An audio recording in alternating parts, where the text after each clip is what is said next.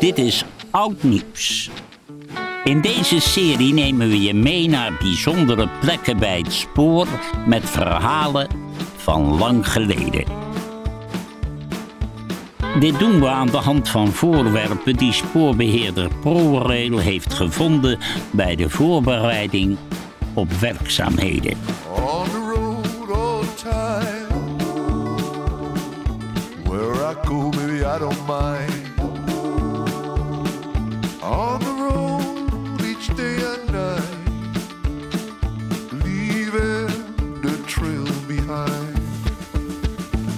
Mee naar het Zeeland van Weleer en luister mee naar de tweede aflevering van het drieluik van de Zeeuwse lijn.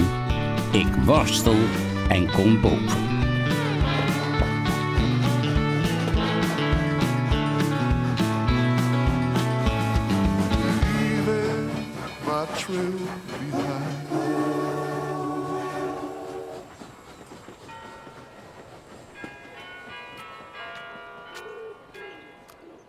Goeiedag, mijn naam is Jaap Schoof. Ik ben verbonden aan het Watersnoodmuseum in Ouwerkerk. Mijn roots die komen van een Zeeuwse boerderij die ook in 1953 in het water gestaan heeft. En waar ik dus de ramp heb meegemaakt. Weliswaar als jongetje van 9 jaar, maar dan toch oud genoeg om zeker bepaalde dingen te herinneren.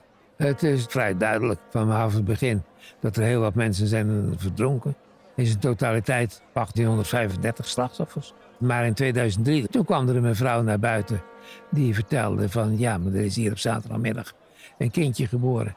En die is verdronken, nooit teruggevonden. Die vader had het als overleefd en die kwam uit de buurt van Breda, is teruggegaan, hij trouwt, nieuwe kinderen gekregen. Maar heeft nooit verteld over dat kindje. Toen was duidelijk dat er dus sprake is van 1835 plus 1 slachtoffers. Hier in Zeeland, de manier van samenleven is totaal veranderd na die watersnoodramp. Altijd speelt die ramp toch wel een rol.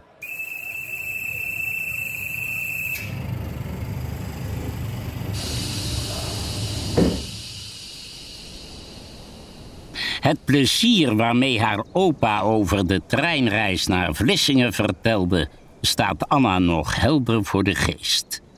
Maar hoe hard ze het ook probeert, het gevoel dat opa zo mooi beleefde, kan ze niet goed vastpakken.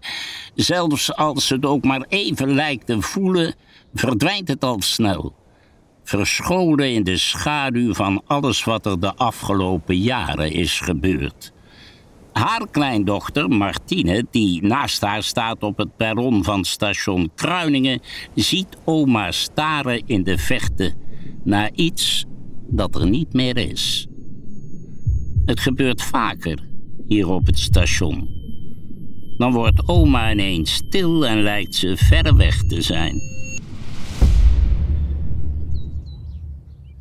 Gaat het, oma?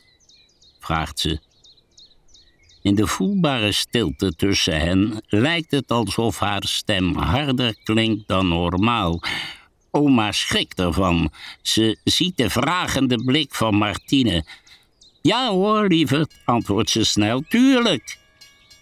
Maar de geforceerde glimlach verraadt dat er toch iets is. Dit station het brengt de herinneringen aan die vreselijke nacht twintig jaar geleden weer naar boven. Het is de verkleuring van de stenen in de gevel tot ver boven de deurpost. Het laat de hoogte zien tot waar het onverbiddelijk kolkende water was gekomen, als een litteken op een wond, geheeld, maar niet vergeten. Alles wat die nacht gebeurde staat voor altijd op Anna's netvlies. Maar hoe legt ze dat uit aan Martine, een meisje van veertien? Misschien is dit wel het moment om er iets over te vertellen, denkt ze. Maar nog voordat ze iets kan zeggen, rijdt de trein naar Middelburg het station binnen.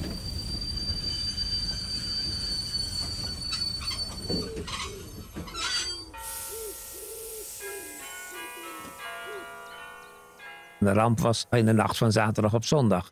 Herinneringen van de watersnoodramp die beginnen voor mij eigenlijk op zondagmorgen. Dat we helemaal rondom water zagen staan. Ik weet nog dat mijn vader zei: Oh, maar dat water komt niet hoger. Papa die heeft dus morgens gewoon voor die koeien en paarden gezorgd. Dus die moesten eten hebben. Die moesten gemolken worden. Niet wetende wat er zou gaan gebeuren. Alleen dan met de middag, dan had het laag water moeten worden. En het werd dus geen laag water, omdat het water in die Noordzee door die noordwesterse eh, steeds opgestuurd werd en steeds hoger opgestuurd bleef. Dan wordt het niet lager en dan komt volgende tij op. Dan komt er gewoon 3,5 of 3 of 3,5 meter water bij. En dan in het begin van de middag, dan komt het water in huis. En dan zitten we daar in dat huis op de zolder. Dan zit je gewoon af te wachten. En je hoort dus de koeien rondlopen. En dan hoor je ze zwemmen. En dan is het stil. Eenmaal in de trein lijkt oma weer op de oma van thuis. Zullen we in Middelburg eerst gezellig wat drinken voordat we de stad in gaan? vraagt ze. Dat vindt Martine een goed idee. Ze kletsen net als altijd over van alles en nog wat. Maar Martine kan niet stoppen met denken aan wat ze op het station zag. En dan uiteindelijk en voorzichtig zegt ze: Oma, mag ik wat vragen? Waar dacht je aan op het station? Anna kijkt vertwijfeld naar buiten. Ze zoekt naar woorden, maar kan de juiste niet zo snel vinden. Het is even stil. Ik dacht aan 1 februari 1953.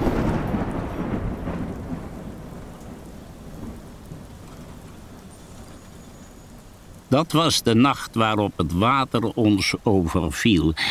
Er zijn dingen die daar nog de herinnering van dragen en dat overvalt me soms nog wel eens. Martine knikt, maar echt begrijpen doet ze het niet.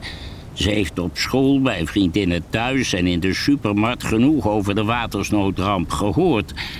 Maar voor iemand die het niet heeft meegemaakt, blijft het ver weg iets onwerkelijks. En ze wist dat er niet graag over gesproken werd. Wij woonden toen nog maar net in Kruiningen, zegt Anna. Ze had zojuist voor zichzelf besloten om niet langer te wachten. Het verhaal lag inmiddels op haar tong.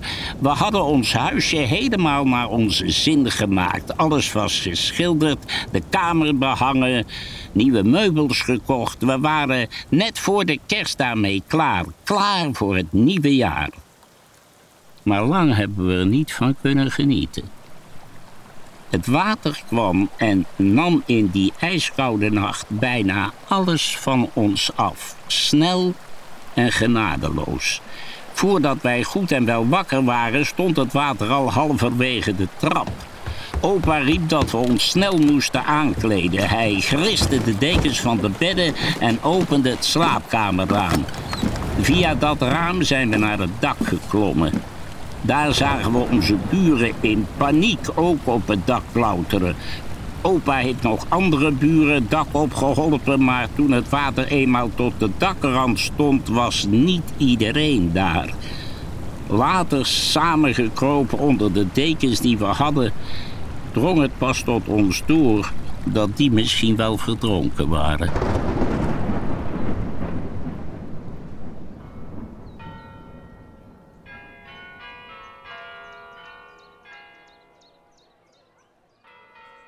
Gewoon op zolder zit je te wachten. Dan kon je dus door het dakraam naar boven toe.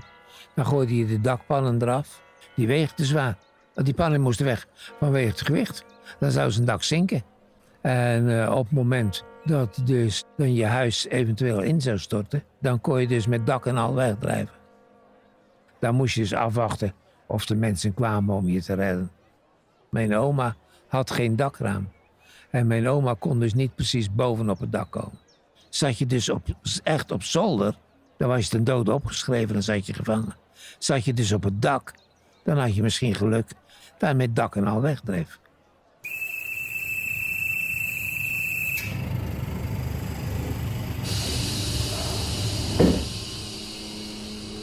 Martine kijkt haar oma ontsteld aan. Wat erg, oma. Het lijkt me vreselijk om dat mee te moeten maken.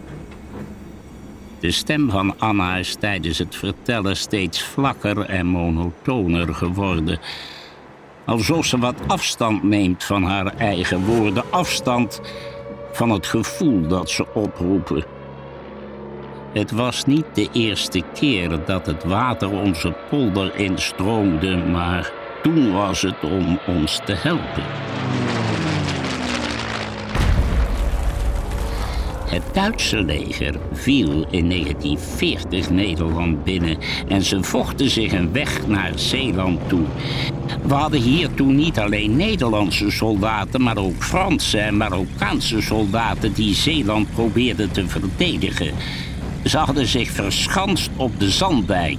Daar zijn we net overheen gereden. Ze lieten toen bewust het water onze polder binnenlopen om de Duitse opmars te kunnen remmen. Maar het waterpeil stond te laag. Het water kwam net tot aan ons dorp. Dat was niet genoeg om de Duitse troepen te stoppen. Opa en ik waren voor die tijd al geëvacueerd naar Arnhemuiden... waar we gelukkig bij opa's ouders in huis konden. Ik verzorgde daar gewonde soldaten in de schuur achter het huis. Martine besefte eigenlijk nu pas goed dat opa en oma en ook haar ouders niet alleen de watersnoodramp hadden meegemaakt, maar ook de oorlog. Twee zwarte bladzijden in de geschiedenis van Zeeland waar ze misschien nog helemaal niet zoveel van wist. De trein rolt het station van Goes binnen en in het geroezemoes van in- en uitstappende reizigers kijken beiden even stilletjes uit het raam.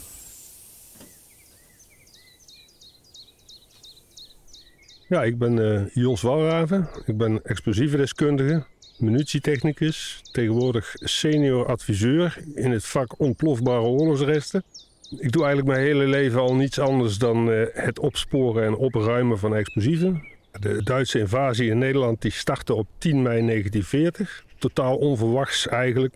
In een hele korte tijd uh, werd Nederland overrompeld.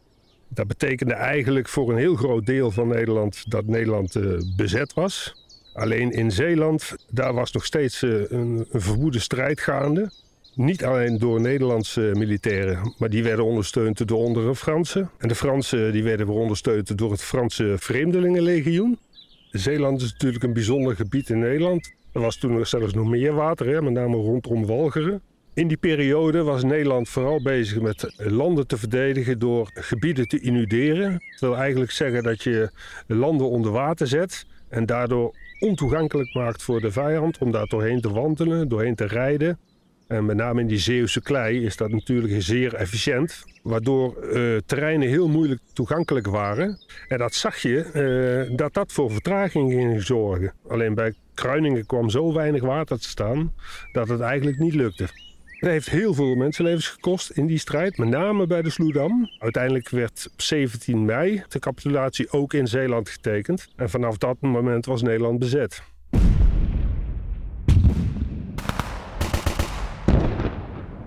Toen Nederland zich had overgegeven en de Duitsers het voor het zeggen had, zijn we weer naar ons huisje in Kruiningen gegaan. Daar hebben we de oorlog doorgebracht.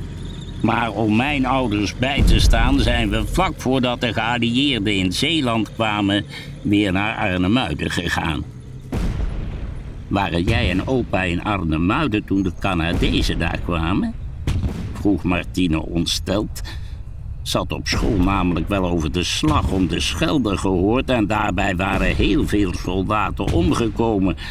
Dat opa en oma daar vlakbij in de buurt waren was nieuw voor haar. Ja, zegt oma. Wij waren daar in 1940 ook veilig, dus dachten we daar nu ook veilig te zijn. Maar dat pakte anders uit. Voordat de geallieerden Walcheren binnenvielen, hebben ze eerst de dijken gebombardeerd.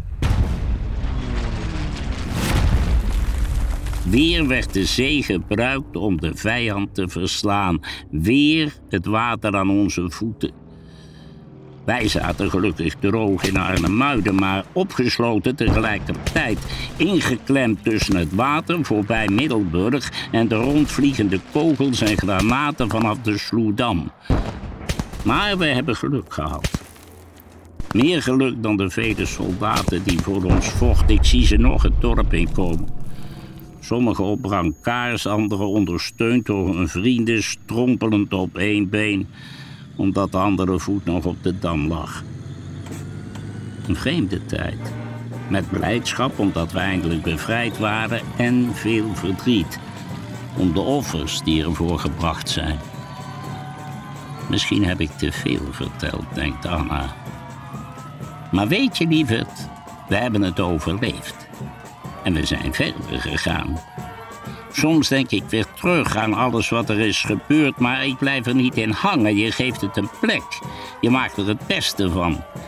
En het beste wat we nu kunnen doen is een grote beker warme chocola drinken. En eigenlijk lust ik daar ook wel een stuk appeltaart bij. Dat klinkt Martina als muziek in de oren. Ze laten de Sloedam ver achter zich als de trein Middelburg binnenrijdt. Luisterde naar de tweede aflevering van het drieluik van De Zeeuwse Lijn. Een verhaal van visionair, ordinair en ProRail verteld door Joost Prinsen. In de serie Oud Nieuws nemen we luisteraars mee naar het verleden op plekken bij het spoor. Ga voor meer verhalen naar www.prorail.nl slash oudnieuws. Tot de volgende keer.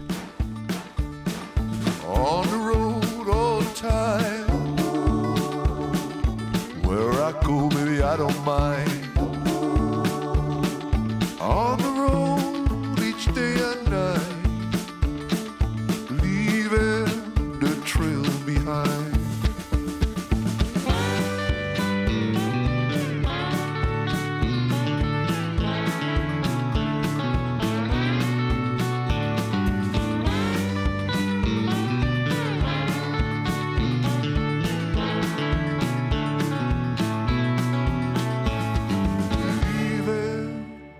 Leaving my trail behind.